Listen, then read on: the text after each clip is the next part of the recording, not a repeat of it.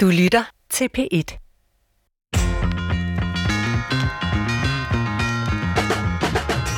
Måske er ideen om den eneste ene en af grundene til, at kærligheden er så svær at finde ud af for moderne mennesker.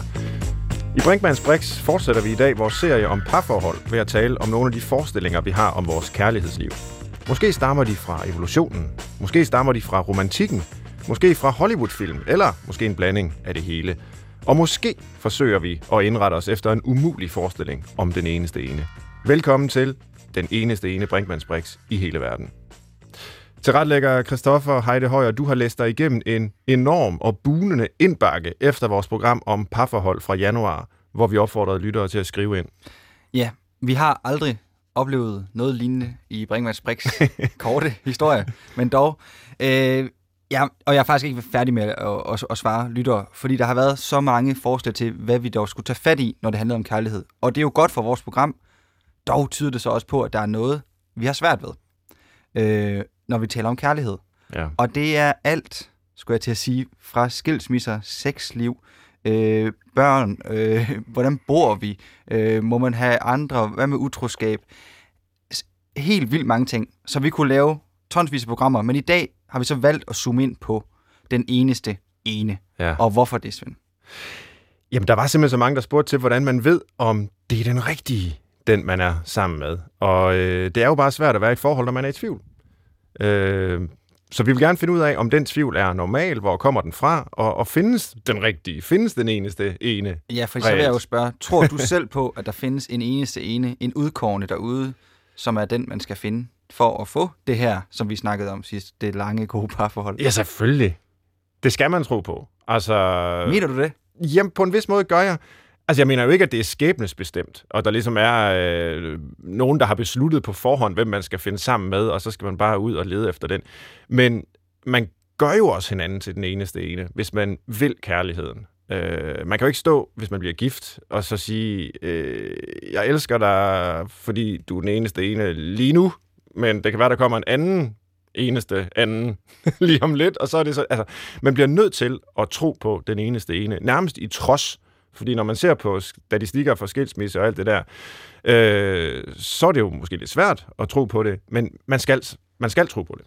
Og der er vi faktisk måske allerede inde på en præmis, som vi også blev lidt kritiseret for i parforholdsprogrammet, det her Og med, det er nok. Er, er, det, er, det, er det noget, vi nødvendigvis alle sammen skal ud og lede efter? Ja. Øh, der er jo evighedssinglen, der er de, ja, de fraskilte, der er inkerne, øh, og hvad det hedder på den anden side øh, kønsmæssigt. Altså, Ja. der er jo alle mulige måder at, at ikke være i et parforhold på. Ja. Øhm, hvor det her med den eneste ene, der skulle søge efter en, så bare bliver sådan et kulturelt pres øh, på en eller anden måde. Du burde ja. du ikke. Øh, hvornår finder du dig en kæreste og så videre? Ja, og det øh, skal vi jo være opmærksom på, når vi øh, taler om det i dag. Men øh, vi har også lagt op til at undersøge forestillingen om den eneste ene, netop som noget, man kan stille spørgsmålstegn ved. Er det lykken for alle? Er det måske faktisk en destruktiv kraft i vores kærlighedsliv, øh, at vi går og tror, at den eneste ene findes? Fordi hvordan finder man så nogensinde ud af, om det er den, jeg aktuelt er sammen med, der er den eneste ene for mig? Tænk, hvis der er en anden, der er endnu mere den eneste ene, som jeg så går glip af at møde, så får man den her FOMO, Fear of Missing Out, som, øh, som jo er sådan en galopperende tendens i samfundslivet generelt, men måske især er farlig og destruktiv, når vi kan tale de nære relationer og kærlighedsliv og sådan noget. Så det er måske slet ikke sådan en rosenrød forestilling om den eneste ene, vi har, øh, men, men faktisk en, øh, en forestilling med en temmelig alvorlig øh, og måske ødelæggende bagside. Mm. Og inden du får lov til at præsentere gæster, så vil jeg bare sige, at vi stadigvæk modtager øh, kærlighedsbud øh, bud på temaer og kærlighedsdilemmaer og hvad end der kunne være under den paraply på brinkmannsbrix.dr.dk. Så skal jeg nok kæmpe og gøre, hvad jeg kan for at nå igennem dem alle sammen, men bliv endelig ved med at, at sende dem ind. Vi fortsætter nemlig øh, med at sende programmer med temaet hen over foråret. Det gør vi.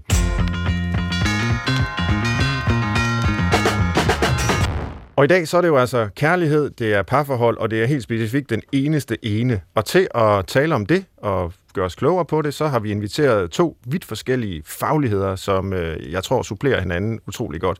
Og det er i form af øh, dels evolutionspsykolog, øh, Ph.D., forsker, øh, jo med en baggrund i biologi også, min tidligere studiekammerat fra Ph.D.-tiden og meget andet, Jill Byrnit. Velkommen til, Jill. Ja, tak for invitationen. Tusind tak, fordi du vil være med. Og vores anden gæst er religionshistoriker, øh, leder af Grundtvig-centret ved Aarhus Universitet, Katrine Frøkær Bavnvig. Også en varm velkommen til dig, Katrine. Mange tak. Så vi har simpelthen det stærkest mulige hold med jer to. øh, dels øh, hele naturhistorien repræsenteret ved, ved Jill, og hele kulturhistorien repræsenteret ved Katrine. Så det kunne simpelthen ikke være bedre, og jeg glæder mig rigtig meget til at øh, høre, hvad I har at sige til det her emne. Men lad mig lige begynde med at få jeres øh, baggrund på plads i forhold til det emne, vi har omkring parforhold og den eneste ene i dag. Øh, Jill, hvorfor interesserer du dig for kærlighed? Øh, det gør jeg, fordi øh, jeg interesserer mig for mange sider mm. af menneskets sociale natur, og, øh, og der er nogle øh, meget fascinerende. Jeg sidder jo, eller har siddet i mange år og kigget på, øh, på andre dyr end, end mennesket, og sammenlignet øh, menneskets sociale liv med andre dyrs, primært med de andre primater, andre aber. Og, øh, og der er der nogle, øh, nogle interessante betragtninger omkring det her med, hvad skal der til for, at man er gode nok partner, øh, både i forhold til at øh, kunne opfostre børn eller unger mm-hmm. hos andre dyr, øh, men også i det hele taget til at indgå i forpligtende øh, relationer med flokmedlemmer. Men det, jeg ved noget om, det er, øh, er flokadfærd, og, og der kan man jo sige, at parforholdet er jo en særlig form for, for flokadfærd. Ja, det vender vi tilbage til, hvad det så er for en særlig form, og hvad vi kan øh, sige om den fra det evolutionære perspektiv. Men samme spørgsmål til dig, Katrine. Hvorfor interesserer du dig for kærlighed? Øh, det gør jeg på rigtig mange måder. Det gør jeg, fordi jeg er et menneske. øhm, ja. Og så, øh, så, så gør jeg det, fordi at jeg som, øh, som religionshistoriker har specialiseret, specialiseret mig i perioden fra sådan, øh, slutningen af 1700-tallet og frem til i dag, og de sociale øh, forkastninger, man kan sige, der sker i den periode. Altså den udvikling, der sker i øh, den måde, hvorpå mennesker knytter sociale bånd, både i store nationale fællesskaber, som vokser frem i den her periode, og i de forskellige nye rammer, der er om det at være en familie. Øhm, og derfor er jeg bare interesseret i sociale bånd og den måde, vi knytter dem på i det hele taget. Øhm, så, så på den måde kunne man måske tænke om mig som en slags relation relationshistoriker eller sådan noget. Øhm, Relationshistoriker, ja. ja. Ja, jeg er ret interesseret i, hvordan mennesker knytter bånd i, altså så, så har jeg specialiseret mig i, i vores tid, som begyndte omkring den franske revolution. Ja, og til det oplagte spørgsmål er jo så, hvor forskelligt øh, knytter mennesker bånd til hinanden gennem tiderne? Hvis, øh, hvis vi skal prøve at forstå, hvor den der øh, forestilling om den eneste ene kommer fra, så kunne man måske, øh, ringer du til en, en humanist, og så starter jeg med antikken. Øhm, det kan og, vi godt lide. Og, og, kan, kan vi ikke gøre det? Øhm, starte med antikken, fordi det er der den forestilling, som vi i dag præges af på rigtig mange måder, både smertefuldt og virkelig håbefuldt, øhm, prøver at indrette vores liv efter, vores kærlighedsliv efter opstår. Og i antikken, øh, kan man sige, sådan virkelig lang historie, ekstremt kort, ikke?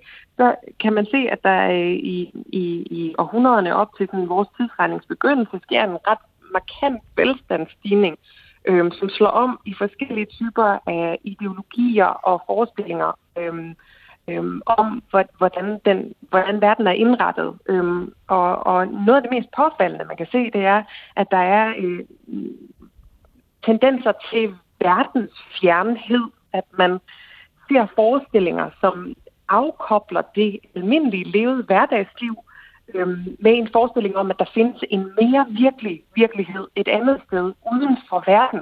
Øhm, og forestillingen om den eneste ene er ligesom morfet ind efter den tankegang, øhm, at, øhm, at man der findes en komplementær øh, halvdel, øh, som, som du som individ kan lede efter og måske finde, det er en kæmpe stor undtagelse, fordi, øh, altså, fordi logikken er, at den, den anden halvdel findes uden for verden. Mm.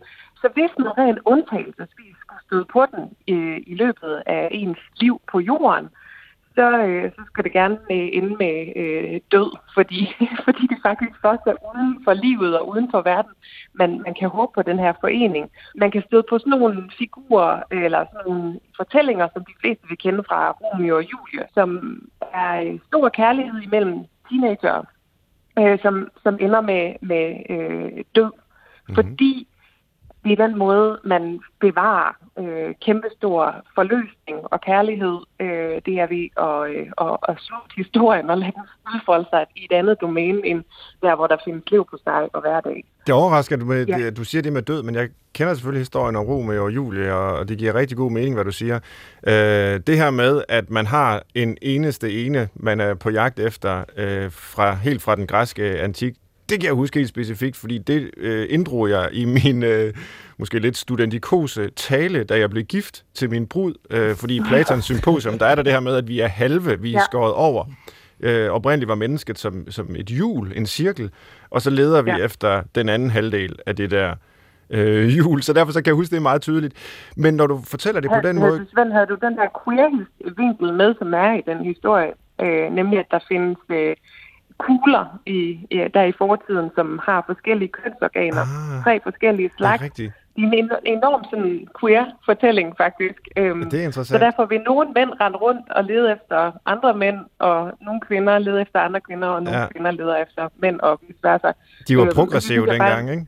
De var mega progressive. De var ja. øh, men, men når du fortæller det på den måde, øh, Katrine, så øh, lyder det jo som om, at du lægger vægt på det, der forener os med grækerne for 2.500 år siden. Øh, og du nævner også Romeo og Julie, jo. altså det er jo øh, Shakespeare, hvad er vi der i, i renaissancen, ikke? Altså, at der mm. er sådan en, en, en rød tråd gennem vores forståelse, gennem historien øh, af vores forståelse af den eneste ene og den store kærlighed. Men så den glimrende bog, du har skrevet om den eneste ene, der kom for et par år siden på Gyldendal, har undertitlen Historien om, hvordan vi lærte at drømme om den store kærlighed. Altså, vi lærte at drømme. Det er ja. noget, vi har lært, så det er ikke noget, vi alligevel altid helt har har ment eller haft som forestilling.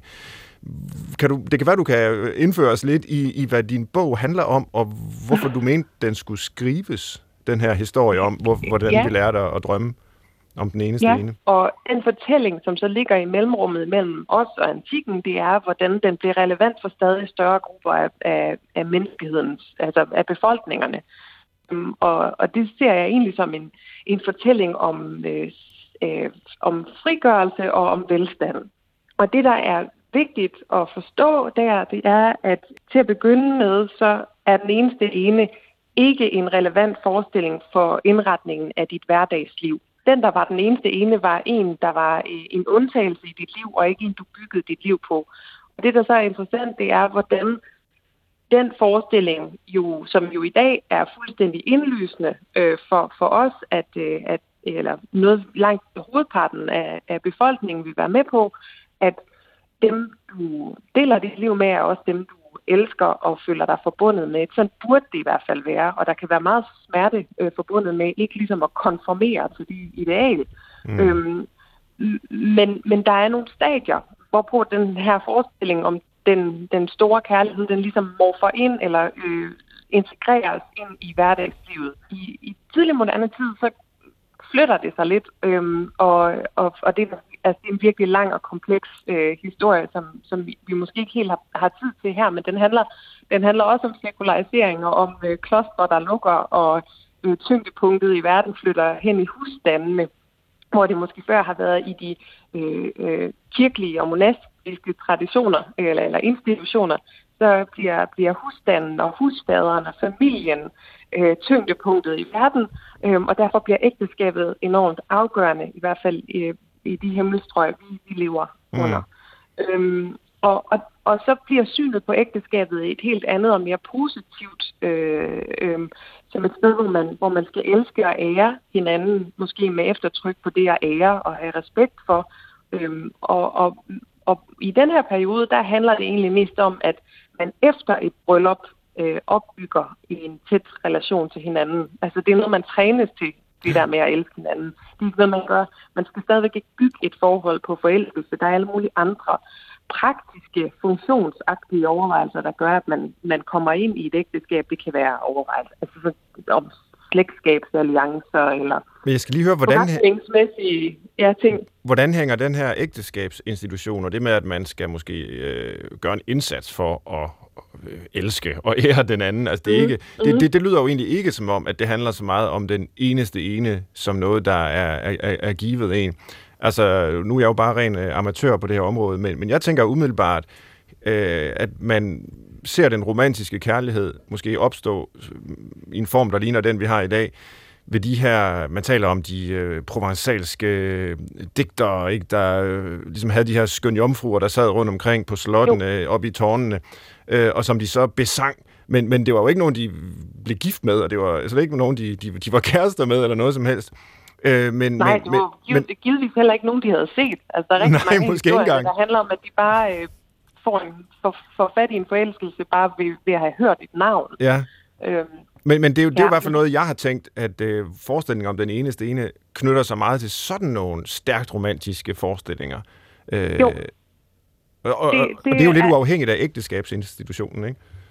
Jo, det er meget uafhængigt af ægteskabsinstitutionen. Det er helt rigtigt. Altså, fordi i de der fortællinger, der, der vil den der skøn jomfru rigtig typisk enten være en nonne, eller hun er gift øh, okay. med en, en fyrste. Ja. Øhm, så hun er, hun er ligesom afsat til anden side, og derfor kan der udfolde sig enormt stor kærlighed imellem hende og så øh, eller måske ved hun, at det foregår. Hun er rimelig, hvad skal man sige, underartikuleret i de der fortællinger typisk. Det handler ja. mest om, hvad den her ridder føler for hende. Øhm, øhm, og han kan holde en masse store følelser ved lige, fordi han ikke rigtig har nogen relation til hende. Øhm, så han kan bare forestille sig en hel masse ting om hende. Øhm, når jeg slår ned på, ikke så meget på, på den, den tradition eller den litteratur, er virkelig god til at dyrke de stærke følelser og til at skrive, skrive dem frem og, og, og vise, hvordan øh, stor kærlighed og kæmpe, kæmpe store følelser bedst holdes ved lige ved at have noget med lidelse at gøre, og ikke, øh, og ikke øh, have noget at gøre med, at man faktisk stifter familie og, øh, og, og, og har en hverdag og den slags. Øh, øh, når, når jeg slår ned på, øh, på øh, ændringen i ægteskabs, synet på ægteskabsinstitutionen, så er det egentlig fordi, det er det, der er afgørende. Det er afgørende skrevet for, hvordan forestilling om den store kærlighed, den store intense kærlighed, og den romantiske kærlighed, hvordan det ligesom lige så stille glider ind i, i synet på, hvad det rigtige ægteskab er, så er det vigtigt, at man i den der tidlig moderne periode faktisk synes, at ægteskabet er noget helt okay noget. Altså noget, man godt må bruge energi på, og det er vigtigt.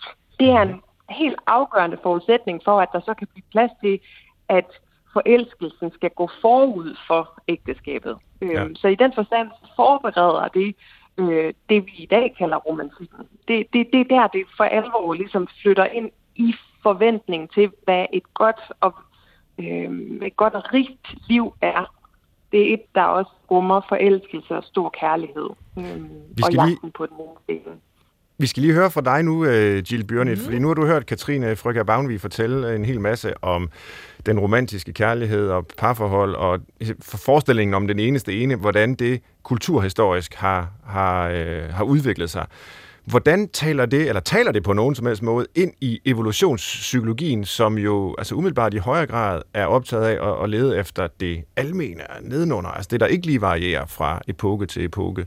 Jo, men nu kan man jo sige, at evolutionspsykologien, øh, modsat hvad en del mennesker tror, beskæftiger sig jo meget med, med kulturens rolle hos mennesket, mm-hmm. fordi at vi er det eneste dyr, som, som har øh, nogen øh, nævneværdig grad af kultur, som vi ser det. Og, øh, og mennesket er jo på den måde, at vi ikke bare natur, vi er også kultur. Så, så der er ingen måde, evolutionspsykologi nogensinde øh, hverken kan eller, eller bør ignorere øh, kulturens rolle for, for den, de menneskelige psykiske programmer.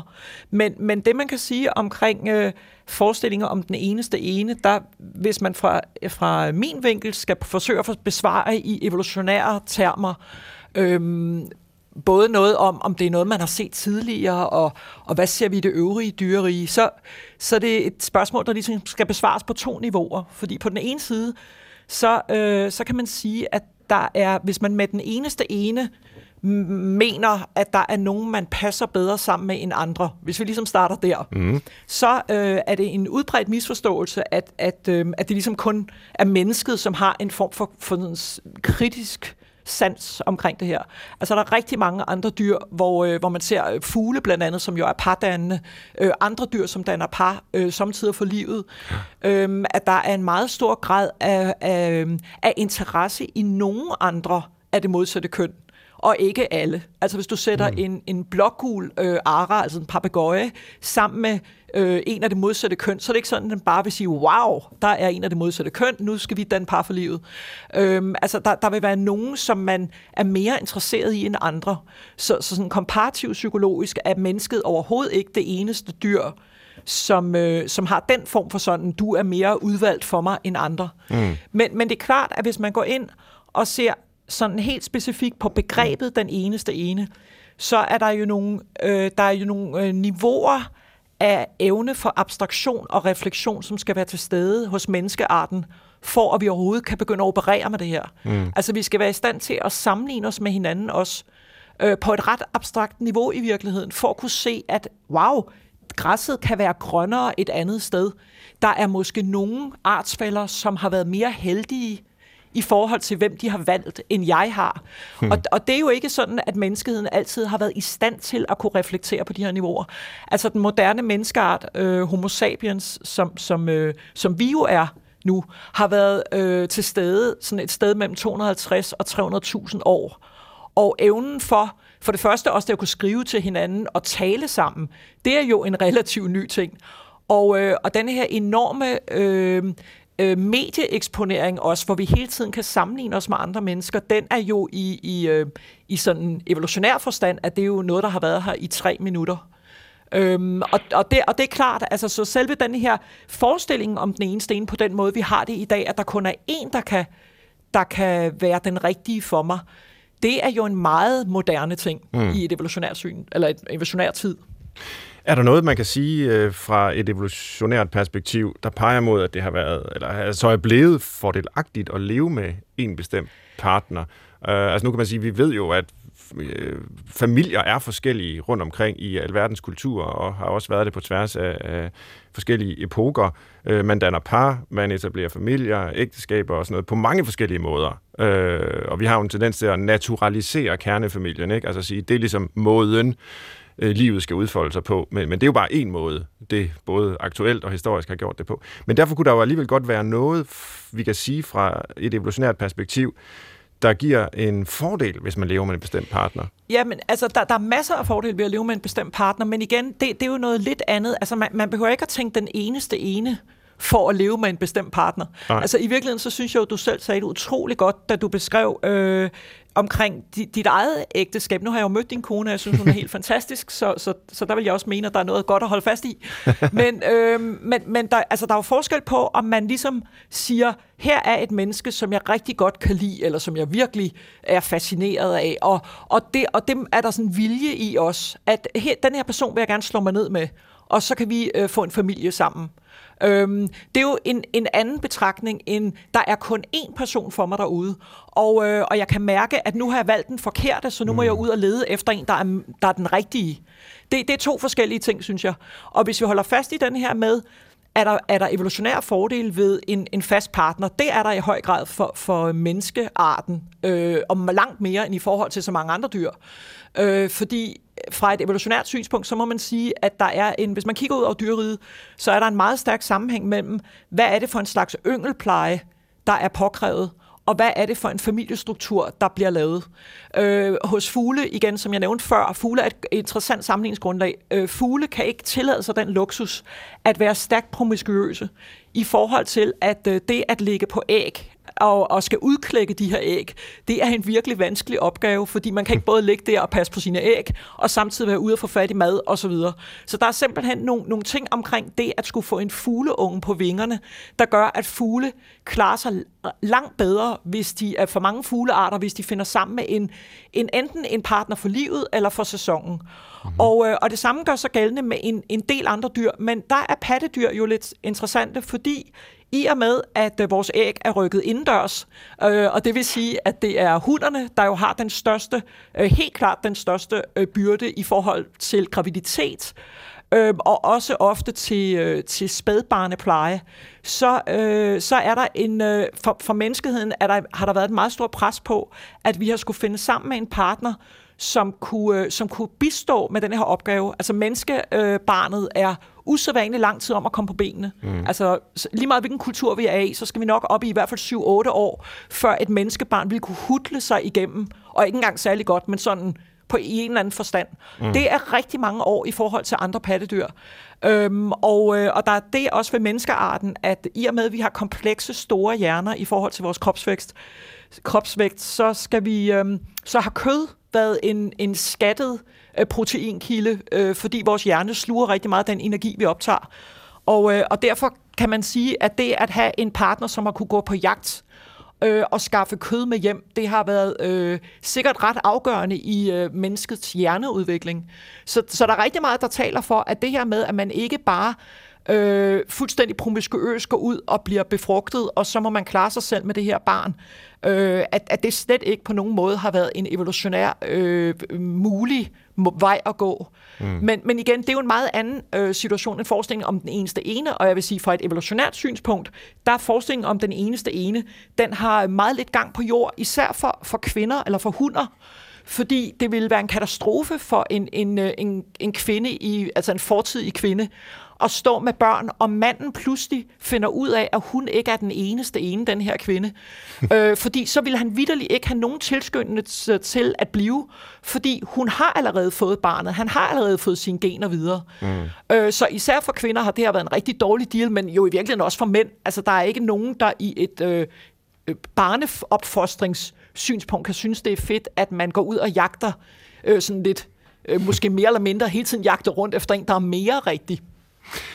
Det er klart fra et evolutionært perspektiv, så, og som du jo gør, Jill, øh, så knytter man de her spørgsmål meget til det at føre generne videre. Man knytter det meget til yngelpleje, som man vil kalde det, øh, ja. sådan helt øh, zoologisk. øh, men, men mange mennesker danner jo par og elsker hinanden, og synes måske, at de er hinandens eneste ene, uden at de har børn, uden de måske ønsker mm. at have mhm. børn. Altså har man nogen som helst forklaring på den slags i evolutionen, når, når, når kærligheden ligesom bliver løsrevet fra omsorgen for, for børn? Jamen, der, igen, der kan man sige, at, at øh, evolutionspsykologien og evolutionslæren i det hele taget er jo kolossalt interesseret i kultur, fordi der bliver der jo lige pludselig øh, et, nogle helt andre, altså det er jo nogle helt andre ting, der går i spil, og man kan jo sige på mange måder, så lever mennesket lever jo i kulturhistorien langt mm. mere lige nu, end vi lever i naturhistorien, fordi vi har afkoblet rigtig mange ting, som før har drevet evolutionen frem. Det er gået hen og blevet en kulturel øh, en kulturel udvikling. Ja. Øhm, og derfor så, så er det jo også aldeles nødvendigt, især hvis man kigger på sådan noget som parforhold, at se på, hvad er det sådan, at altså kulturen på en eller anden måde får frembragt, Øh, og hvad, hvad kunne kulturens interesse, hvis man kan tale om en interesse i kultur, hvad kunne kulturens interesse over skiftende tider være i, at man forestiller sig øh, det ene eller det andet om sin partner?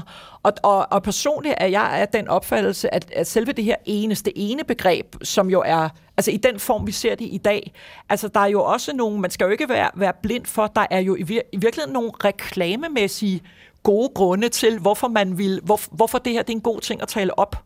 Mm-hmm. Øh, jeg læste engang meget interessant en sociolog, der sagde noget om, at øh, reklamebranchen, det at spille på sex, for eksempel, i sine reklamer, det er på mange måder federe end at spille på altså madsult.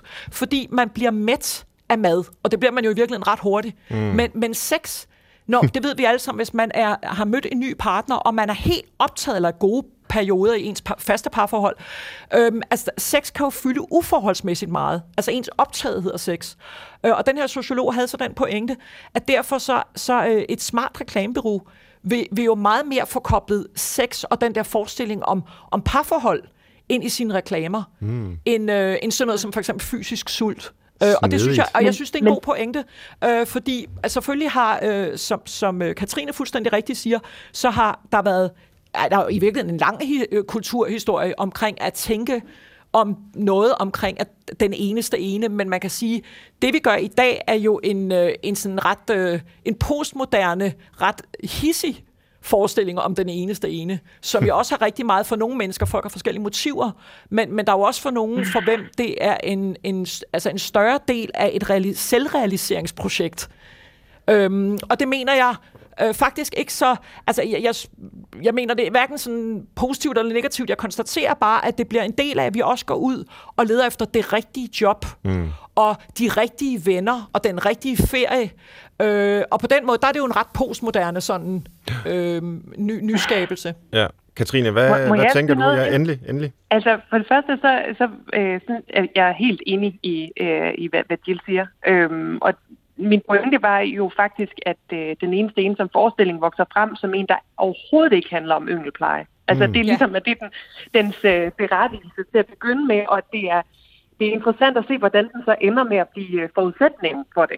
Altså, det, øh, og der, der kan man måske prøve, hvis man nu prøver at kigge på for, forventningerne til, hvad et godt øh, og, og rigtigt parforhold er i dag, så vil det jo, er det jo rum, er rummer det jo simpelthen så mange øh, Øh, hvad skal man sige, sociale funktioner, som vi før i, i historiens løb havde fordelt ud på andre mennesker, end, end den vi, vi øh, var gift med. Ikke? Altså i dag der har vi sådan en eller anden idé om, at, at øh, en god ægtefælle, eller den ideale ægtefælle, er en, som man har en eller anden funktionsenhed med, man har et arbejdsfællesskab, man sørger for, at man får betalt de terminer, der er. Øhm, men så, så det er også en økonomisk partner, måske en medforælder for nogen. Øhm, og, det, og så skal man også være forelsket og kærester, i hvert fald indimellem. Øhm, øhm, og så er det sådan en almen sådan eksistentiel sparringspartner, øh, en man vender, øh, det, øh, øh, de problemer, man nu kunne have i andre livsdomæner, øh, med. Ikke? Måske få noget intellektuel stimuli, hvis, det, øh, hvis bølgerne går højt. Øh, og øh, altså en ven, en, en man øh, har øh, en, en, som repræsenterer en tryghedsbase. Og så skal det øh, også være øh, en, man har hed og vild elskov med. øhm, det er jo virkelig det er vildt mange forventninger, som man øh, som ret sent i vores kulturhistorie og evolutionshistorie for den sags skyld, har deponeret i et eneste menneske. Men, øhm. men det kan måske også gøre med, for jeg, jeg er enig med det, og jeg synes, det er virkelig interessant øh, betragtning, fordi det, det kan måske have at gøre med os, at mennesket, øh, mennesket er jo skabt til at leve i, i nogle ret tætte flokke, kan man sige, på måske 800 ja. individer eller sådan, ikke? Som man også har set til for relativt nylig i en del andre kulturer, hvor man stadig har boet sådan en meget tæt landsbyform. Øhm, og der, der behøver du ikke, altså der kan man sige, der behøver du ikke at deponere alle aktier hos Nej. én person, fordi der har du ligesom haft din partner, og som du øh, måske har haft det godt med, måske ikke så godt med, men så har du også haft en hel masse andre. Du har haft kønsfælder, som du har haft et meget i virkeligheden intimt forhold til. Du har boet sammen med din, din mor og din mormor og nogle tanter, og, øh, og det vil sige, at, at det her med, at din partner har skulle opfylde det hele, det er en meget øh, ny tendens, kan man sige, i forhold til, hvordan vi har, været, øh, hvordan vi har boet, også i moderne tid. Præcis, og, og min, min pointe plejer så i forlængelse af det, du siger der, at være, at det er ret vildt, at der ikke er flere, der bliver skilt. Altså det er virkelig meget at bede et, et andet menneske om. Øhm, og en anden ting til det, du siger, som er vildt interessant, det er, at i den kulturhistoriske periode, hvor mennesker får mulighed, fordi der er ny medieteknologi, for at forholde sig til øh, stadig større grupper af mennesker, altså det, der overstiger øh, et Dunbar-nummer, eller hvad, hvad, hvad det nu kunne være, ikke? Altså et, øh, hvor vi går fra at leve i grupper, hvor vi orienterer os øh, øh, øh, øh, hvor vi orienterer os øh, til flere end bare de der omkring 100 eller 200 mennesker, man kan overskue, men begynder at tænke os som nogen, der eller skal trænes til at tænke os som nogen, der er danskere for eksempel, altså skal forholde os til øh, måske noget i retningen af en million mennesker, som føler sig forbundet med dem. Det er altså, altså det, den samme periode, hvor man går fra, fra de små øh, øh, loyalitetsforhold og små øh, overskuelige sociale kontekster øh, til kæmpe store øh, kontekster, som er bundet sammen af øh, litteratur, af aviser, og som giver os en opmærksomhedssfære, som er meget større. I dag er, vi jo, er det sociale medier, der, der, der giver giver os mulighed for at være sammen med hele verden i princippet. Øh, men i den periode, hvor, hvor, hvor, øh, hvor skiftet fra, fra gearet fra landsbyen op til nationen sker, der, der eksploderer øh, interessen for eller forestillingen om den ene scene. Så, så kommer også til at tjene en, altså, øh, øh, og, og det gør den jo, altså, og min pointe her, jeg har faktisk en pointe, øh, det, det, det er, at, øh, at markedet for, eller hvad man nu har, har lyst til, hvordan man nu har lyst til at tale om det, for hvilke mennesker man, man kunne rekruttere en mulig øh, partner i, bliver markant større i den periode. Mobiliteten bliver større. Vi mm. ser fysisk mange flere mennesker, og derfor bliver forestillingen om den ene sten så meget mere relevant øh, øh, at, at fastholde mm-hmm. eller udbrede. Jeg vil bare lige indskyde, øh, du refererede til det Dunbar-tal, og det er jo efter Robin Dunbar, som er en kendt forsker på evolutionsområdet, der mener, at jeg mener, at tallet er 150, øh, som ligesom er det, vi evolutionært er skabt til at kunne overskue, og formentlig har levet i sådan nogle øh, flokke på den størrelse, og at når vi nu har udvidet øh, vores mulighedsrum for at have kontakt til mennesker i dag til for mange menneskers vedkommende langt mere end 150, så, så giver det os måske nogle øh, problemer. Du lytter til Brinkmanns Brix på B1, hvor vi i dag fortsætter vores serie om kærlighedslivet. Det begyndte med programmet Parforhold, som blev sendt den 13. januar. Og i dag så har vi så temaet Den eneste ene. Og det behandler jeg sammen med evolutionspsykolog, forfatter, biolog, alt muligt meget mere, foredragsholder Jill Bjørnit og religionshistoriker og leder af Grundtvigcentret ved Aarhus Universitet, Katrine Frøkær Bavnvig. Og nu vil jeg invitere til retlægger Christoffer Heide Højer til at komme med et indspark i vores samtale med udgangspunkt, tror jeg, i nogle af de mange mails, vi har modtaget fra jer lyttere om kærlighedslivet. Lad os mm. høre, Christoffer. Ja, jamen der var en del, som skrev ind om det her med at være polyamorøs. Oh ja. Øhm, se flere. Mm. Øhm, kunne dele sin kærlighed ud på mange, eller sit lyst måske bare. Øhm, og det vil jeg egentlig gerne høre begge fagligheder om her, fordi det er jo øh, er noget, de fleste nok vil kunne indvende mod det her ideen om at være i et parforhold, og det skal bare være det, og så, som Katrine er inde på, det, vi putter egentlig for mange ting over på en enkelt person måske.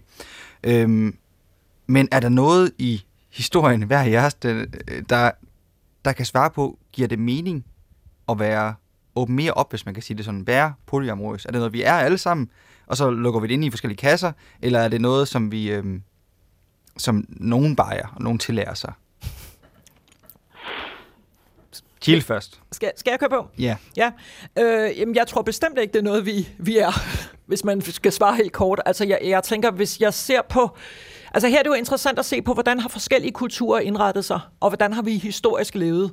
Mm. Altså der har bestemt været, øh, der er jo mange øh, samfund, hvor man har haft og har, øh, kan vi sige harem, altså en han og flere hunder, en mand og flere kvinder. Mm. Øhm, og der er øh, nogle enkelte samfund, meget, meget få, hvor der er en kvinde og, øh, og flere hanner. Øhm, men, men det her med at være helt promiskuøse, hvis vi skal sige det sådan, det, det er noget, man ser faktisk hos et dyr som chimpansen, er helt promiskuøs. Alle par som er alle, hvis de har lyst til det. Øh, det er der ikke særlig meget, der tyder på, at mennesket har praktiseret i nogen større stil. Øhm, og det er der mange forskellige grunde til, men en, men en af de ting, man kan se på, er jo sådan en ting som jalousi. Øhm, der, der er ingen form for moralsk betragtning i det her. Altså evolutions, øh, evolutionære processer er virkelig ret pragmatiske. Hvis der er noget, der virker fint nok, så lad os gøre det. Så hvis polyamorisme ville være fint, så, så ville det være sådan. Men, men man kan sige, at mm. mennesket er jo et ret jaloux en ret jaloux art. Vi har en, øh, et, til synligheden et ret stærkt behov for, at der er nogen, der er mere i forfront for os.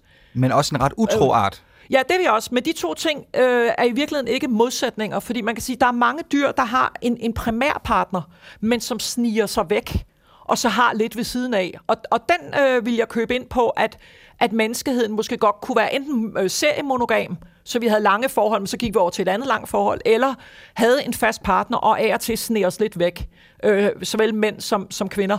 Men det her med, at vi ligesom er, kan man sige, sådan helt åben for mm alle mulige partnere, den, den synes jeg, jeg har set øh, meget, meget få, øh, både altså praktiske og sådan teoretisk, teoretisk funderede eksempler på. Og det, og det er det, det poloamorøse betyder. Jeg skal bare lige være sikker, fordi jeg er ikke så... Øh, jeg, jeg er jo sådan en gammeldags øh, monogam person. Han han altså, for det er noget andet end, fordi nu siger Jill også, øh, seriel monogami, altså hvor man har forskellige partnere, men kun en af gangen.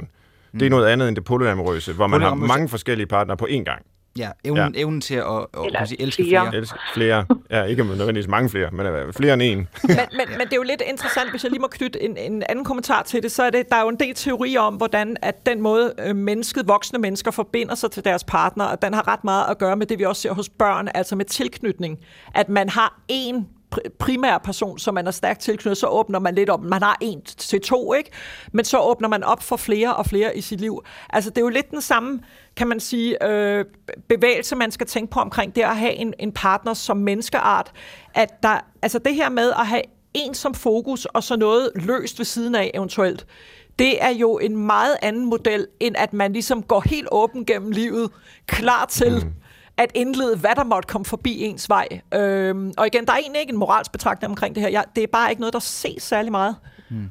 Så er vi fugle eller chimpanser? Det er måske det, der er spørgsmålet. Er vi, er vi mere som fugle end chimpanser Altså, jeg på det tror område? klart, at vi er, vi er fugle, og så er der måske nogen, der er de der fugle, der, øh, der knytter sig for livet, og der er nogen, der er de fugle, der knytter sig for en sæson, som jo så for menneskehedens øh, vedkommende er mere end, end, end sommer, ikke? Altså, det er nogle, nok nogle år eller sådan, ikke? Katrine?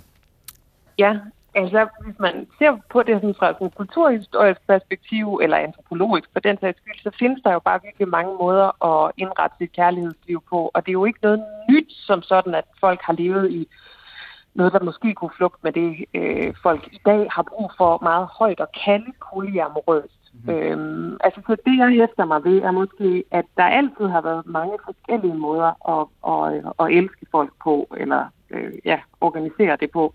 Øhm, og, øhm, og det er måske også noget med, meget, meget interessant ved at få med, at det jo historisk set ikke har været alle beskåret at være dem, der fik lov at stifte familie, eller øhm, øhm, været dem, der kunne gifte sig, altså lave en husband.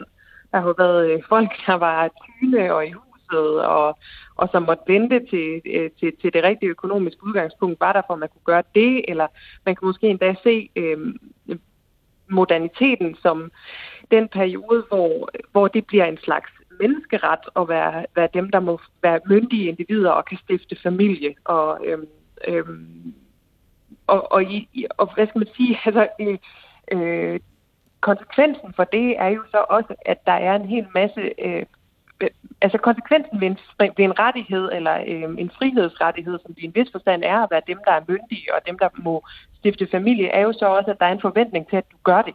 Øh, og, øh, og dem, der så ikke gør det, øh, eller ikke gør det på den måde, som er øh, kernefamiliebaseret, øh, dem nærer folk skepsis overfor, eller bliver nysgerrige på, øh, øh, hvis ja. man er en skyggetante, eller hvis man er en aseksuel, der ikke har, har trang til det, og bare gerne vil leve øh, et, et liv øh, øh, som single, og kan det, fordi den materielle velstand gør, at man godt kan lave indmandshusstande, øhm, det, så, så, så, ja, så øh, bliver, bliver de gjort øh, øh, på en eller anden måde mistænkelige.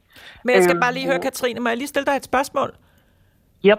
Øh, det er fordi, jeg tænker, at det du taler om med Tyne for eksempel, som det ikke var øh, for ondt at, at stifte øh, den, sådan, den gængse familieform, men det var vel ikke sådan, eller det har jeg i hvert fald svært ved at se for mig, at de var polyamorøse på den måde, fordi det ville der have været nogle ret store omkostninger i form af en masse børn, øh, som de skulle tage sig af, og den slags ting, ikke? Øh, så det var vel Ej, mere et, et spørgsmål om, at de så havde øh, sådan en anden type øh, pardannelse, men vel ikke der, hvor de bare ukritiske var ude, eller var ikke ukritiske, men altså var interesseret i en hel masse forskellige. Det, det, har vi, det har vi selvfølgelig svært ved at sige noget meget håndfast om. Det, det, jeg hæfter mig ved, det er egentlig mere, hvem er det, der får lov til legitimt og officielt at være dem, der danner par. Ja. Øhm, hvad folk så faktisk har gjort, det har de jo sikkert altså, gjort ud fra en, en eller anden form for normal distribution, ikke? Øh, øh, som, som jo nok er øh, enten monogam eller øh, seriemonogam, eller hvad det nu er. Ikke?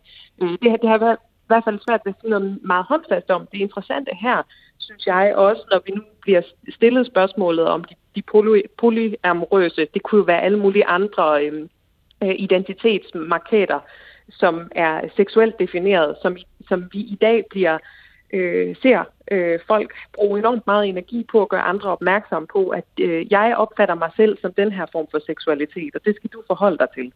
Øhm, det, det var egentlig for at løbe den øh, betragtning i gang, at jeg, jeg greb fat i, øh, i det der med kategoriseringen af, og hvem det er, der får lov at sige, at jeg er, jeg, jeg er den, der stifter familie, eller jeg er den, der øh, har den, den, den gængse form for seksualitet, eller sådan noget. Ikke? Øhm, og det, det afgørende er i dag, at identitet for det første fylder enormt meget i vores øh, øh, livsforståelse. Altså det, at vi, vi gør andre mennesker opmærksom på, hvordan de selv opfatter os selv, det, det er noget, andre skal, skal høre på og forholde sig til. Og, og det andet er, at følelser, og ikke mindst seksualitet i, i, i løbet af de sidste øh, 100 år, er kommet til at være fundamentet for vores forståelse for, hvad der er det rigtige parforhold. Mm. Øhm, og derfor ser vi den her øhm, øh, opblomstring af, og, øh, at folk har brug for at gøre opmærksom på, hvordan de selv opfatter deres seksualitet. Øhm, så, øhm, ja, øhm, og, og det, det er, altså, måske kan man se det som sådan en slags øhm, civiliserings, eller civilis, jo, civiliseringsproces, hvor vi gensidigt opdrager hinanden øhm, øh, og udvider vores kategori eller apparat af kategorier, øh, så, så vi ikke skal bruge så meget energi på øh, at forstå hinanden eller forstå os selv. Øh, men det tager bare altid lang tid at få de der kategorier til at falde på plads, imens de sådan, øh, er, ja, er i deres orden. Og det kan være, det er derfor, vi bruger så meget kulturel energi på øh, LGBT-spørgsmål, som vi gør i vores tid. Jeg kunne også godt lige tænke mig at spørge ind til lidt af det, men, men vi, kan vi mennesker ikke som komplekse væsener øh, sagtens have sex med nogen, og børn med nogle andre, og arbejde med nogle tredje, og så videre? Altså er vi, øh, eller hvorfor kan det ikke øh, jo, fungere? Jo, fuld, fuldt ud. Og, og, det var, øh, og det var også det, jeg... Øh, det var også der, jeg var inde på tidligere med, at da vi har, når vi, altså i, den, i de mange tider, vi har boet i meget mindre grupper, hvor man har forpligtende, intime typer relationer til mange andre end bare sin partner, der, øh, der har det, altså for eksempel at opfostre børn, det har været fordelt ud over mange flere også på mange måder. Så der er absolut intet, der siger, at mennesket ikke kan, kan indrette sig på utrolig mange måder. At man kan øh, indrette sig sammen med en kvinde, hvis man selv er kvinde, en mand, hvis man selv er mand. Der var mange, mange måder, man kan indrette sig omkring, at øh, altså bare hvis vi ser evolutionær tid, at tage sig af yngelpleje. Øh, så, så det er sådan set ikke så meget... Øh, det, det er ikke så meget den del af det, som er øh, som sagt ny i menneskehedens historie, det er mere øh, forestillingen om, at der er lige præcis sådan ligesom en type, altså en person, som er, for det hele. som er den rigtige for mig, og som kan opfylde alle mine behov. Vi var inde på det lidt tidligere. Øh, det her med, at vi forventer, at der er en person, som, som kan gøre mig til en bedre udgave af mig selv, på en måde, som ingen andre kan. Altså sådan lidt, lidt, sådan lidt Hollywood-floskler. Det kan jo, altså bagsiden af det kan jo være, at man går hen og, og det kan blive sådan lidt en flugtmekanisme også, ikke? Det kan blive sådan lidt, at i stedet for at blive her og gøre det hårde arbejde, øh, eller hvad vi skal kalde det, så, øh, så kan jeg drømme om, at der må være en anden, som jeg ikke var nødt til at gøre det her hårde arbejde med. Øh, og tankevækkende nok, så er det jo sådan, at øh, igen, øh, der er jo øh, utrolig mange måder, man kan indrette sig på, og øh, hvis en masse mennesker havde lyst til permanent at leve som singler, det, det kan kulturen fint rumme, det kunne øh, evolution, har evolutionshistorien også fint kunne rumme, øh, men det tankevækkende er jo, at hvis man går ud og spørger rigtig mange singler, om de er interesseret i at være single for, for hele livet, Mm. Så, så vil jeg sige, at så kunne vi godt nedlægge rigtig mange af de her datingportaler, øh, som der er. De tjener, så vidt jeg ved, rigtig mange penge på mm. folk, som ikke synes, det er så fedt at være singler, selvom de lever som singler. Mm. Og det er måske en markering af den her grundlæggende længsel, vi har øh, som mennesker efter at blive elsket. At ikke, vi vil gerne finde en partner, vi vil gerne elske en anden, men vi vil også gerne selv blive elsket af den eneste ene. Øh, Katrine Frøkjær Bavnvig, kan du, altså, hvorfor er den længsel så stærk? Hvad er det for nogle kræfter, der kulturhistorisk har øh, ført frem til, at de der datingsider tjener så mange penge, at ja. alle film handler om det her, stort set, som kommer fra ikke bare Hollywood, men alle mulige andre steder, også øh, Bollywood og hvad ved jeg. Altså, det er jo en ekstrem kraft øh, i vores ja. øh, kultur. Ja. Ja, og det er jo så også den, der måske forsinker folk med at komme, gang, øh, komme, komme i gang med kærlighedslivet. Altså, vi kan jo se virkelig mange stifter familie senere og mm. altså, afsøger øh, hinanden i længere tid, fordi man har den der forventning om, at, at forelskelser skal være kæmpe store, og det skal være øh, festfyrværkeri over det hele, når man, når man ser den der, den der person og bare ved øh, med sig selv, at nu er den der. Det, det kan være en svær følelse at, at, at have, og det er alle, der evner den. Øhm, og, så, og så venter man. Øhm, og, og fordi det er materielt er en mulighed at vente, og vi har fået afkoblet øh, ægteskabet og, øh, fra, fra øh, øh, økonomien, øh, der, og, og det faktisk bliver en mulighed for en at leve alene, så, så kan man godt vente. Øh, men nu spørger du mig om længslen, øh, og, og, og hvad det grundlæggende er, vi siger efter, og hvorfor den her forestilling er så stor.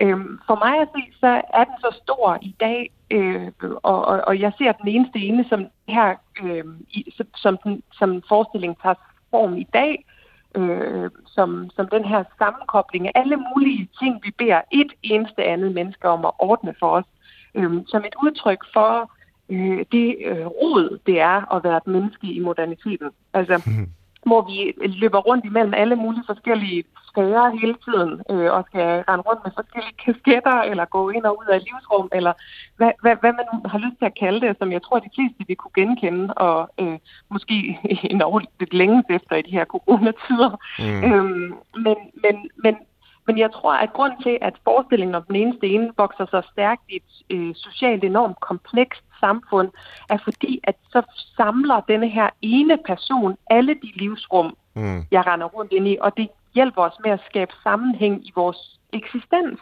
Det giver sådan en vis orden.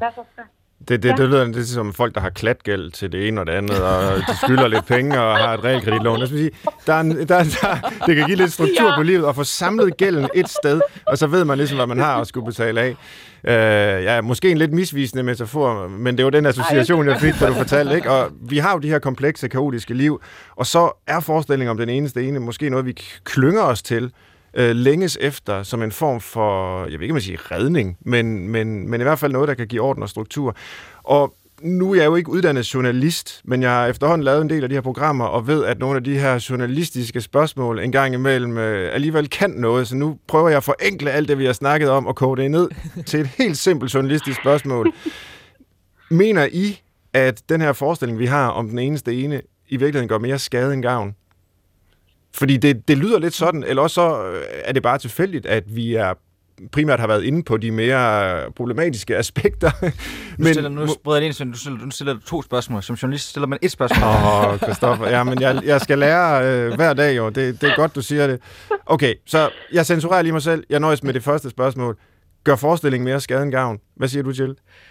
Øhm, jeg tror, at den gør mere skade end gavn, hvis, hvis, man, hvis man ligesom har en checkliste, mere eller mindre bevidst, om alle de ting, som den rigtige person skal kunne opfylde, og, og man så jager sådan lidt halsløst rundt efter den her person, så mener jeg bestemt, at det forhindrer en i at øh, netop leve sit kærlighedsliv, øh, i stedet for bare at lade det blive en forestilling. Øh, og, og så kunne man måske også med, med, med fordel tænke lidt over, hvad kan jeg give til den anden person i det her forhold, og ikke bare, hvad skal den anden levere? Det er også en god pointe.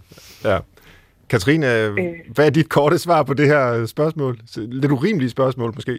Ja, øh, jeg tror, at øh, forestillingen gør vores liv mere volatilt, eller hvad man nu skal sige. Altså, at vi, det giver os mulighed for at få det rigtig nederen på den ene side, og rigtig, rigtig fedt på den anden side. så, så, hvis, så, så altså, hvis du tager et gennemsnit af det, så, øh, så, så ved jeg ikke rigtig, om, om mit svar bliver sådan et eller andet øh, midt imellem. øhm, Øh, det, jeg synes, det, altså, jeg, jeg, det er jo skide svært at svare på, ikke? Altså, hvad, hvad gør kollektive forestillinger ved vores måde at indrette vores liv på? Giver det mening overhovedet at forsøge at undslippe dem? Ja. Øh, det tror jeg ikke, det gør. Altså, jeg tror, vi er nødt til bare at håndtere dem, for de er der, og, og den her forestilling, den presser os, og den ansporer os, og den gør os deprimeret, og den giver os mega meget håb, og det føles fantastisk, når man synes, at man på en eller anden måde øh, mm, at ens liv mapper oven på den forestilling. Det er jo ret fantastisk, når det sker, øh, og det føles rigtig træls, hvis den ikke gør. Øhm, mm. Øhm, men sådan, har alle, sådan er alle kulturelle eller kollektive forestillinger, øh, altså sådan har de jo påvirket menneskeheden øh, altid. Men kunne man ikke skyde en, øh, en håbefuld ting ind i det? Fordi jeg, jeg, jeg synes, Svend, øh, at øh, som jeg refererede til et par gange, du sagde det rigtigt det her med, at så finder man den her person, som man virkelig godt kan lide, og så gør man den person til den eneste ene. I virkeligheden, så, så er der jo også noget med at tilbringe tid mm. med folk og lære dem at kende. Øh, det, det synes jeg er mere sådan en håbefuld ting, at, at øh, man faktisk gør den person, man er sammen med, er min eneste ene. Ja. Ja, at det er lige så høj grad af en viljeshandling. Det er et valg, ja. øh, som selvfølgelig ikke er ud af det blå. Altså, det er netop, fordi man godt kan lide personen. Ja, ja, og det er jo ikke Men, ond, altså ondt arbejde, vel? Nej, nej. Det er måske et meget godt sted at slutte, øh, fordi jeg havde tænkt, øh, og det er det så ikke helt alligevel, fordi vi har jo det her lille ekstra punkt, som er vores øh, traditionsrige liste, hvor jeg havde tænkt, at vi skulle formulere simpelthen lige ud af landevejen tre gode råd til at finde den eneste ene. Og hvis vi nu lykkes med det forhævne, så bliver det jo formentlig altså det mest lyttede radioprogram nogensinde i Danmarks historie, fordi alle vil lytte det igennem for at nå hen til svarene på, hvordan jeg finder den eneste ene. I hvert fald, hvis vi har ret i, hvad den her samtale har kredset om, at det er så magtfuld en forestilling i moderne menneskers liv, måske nærmest mere eller mindre det, vores øh, skæbne afhænger af, finder jeg den eneste ene. Hvordan gør man det så? Nu har vi både øh, vores øh, evolutionære perspektiv, vi har vores historiske perspektiv, altså kulturhistoriske, så jeg har øh, tændt for kuglepinden og er klar til at være doktor brevkasse her. I kan bare byde ind, ja, hvis I tør. Det var godt nok et, et svært spørgsmål. kan vi få et lettere? Det kan også ja, være... Kan vi, kan vi måske starte med at prøve det? Altså prøve at kaste ja. ud i det. do or do not. The, eller, det, ja, there is no try, som Yoda siger. Eller gør det bare. Prøv det. Prøv det af. Ja. Ja, ja. Øhm, Nå, undskyld, Katrine. Ja. Nej, men det, er egentlig, det, det siger jeg egentlig mest ud fra sådan en observation af, hvad unge mennesker gør i dag. Øh, jeg har sådan nogle bonusbørn i 20'erne og har adgang til, til en, en yngre generation end min egen, som ser ud som om, de har lidt svært ved at komme i gang med kærlighedslivet. Øhm, for, fordi de store forventninger og også måske sådan et, et generelt øh, pres om, at ting skal føles rigtigt, inden ja. man kaster sig ud i det, øhm, hæmmer dem. Øhm, så, så jeg tror måske sådan et tanteagtigt råd vil være at prøve det, og prøve at lade være med at, at, at, at have en forventning om, at ting er perfekte. Ja. Øhm, det er jo bare mega sådan oplagt og halvplat, men det Nå, er det, det er meget godt. Ja, gå bare i gang. altså, learning by doing. Ja.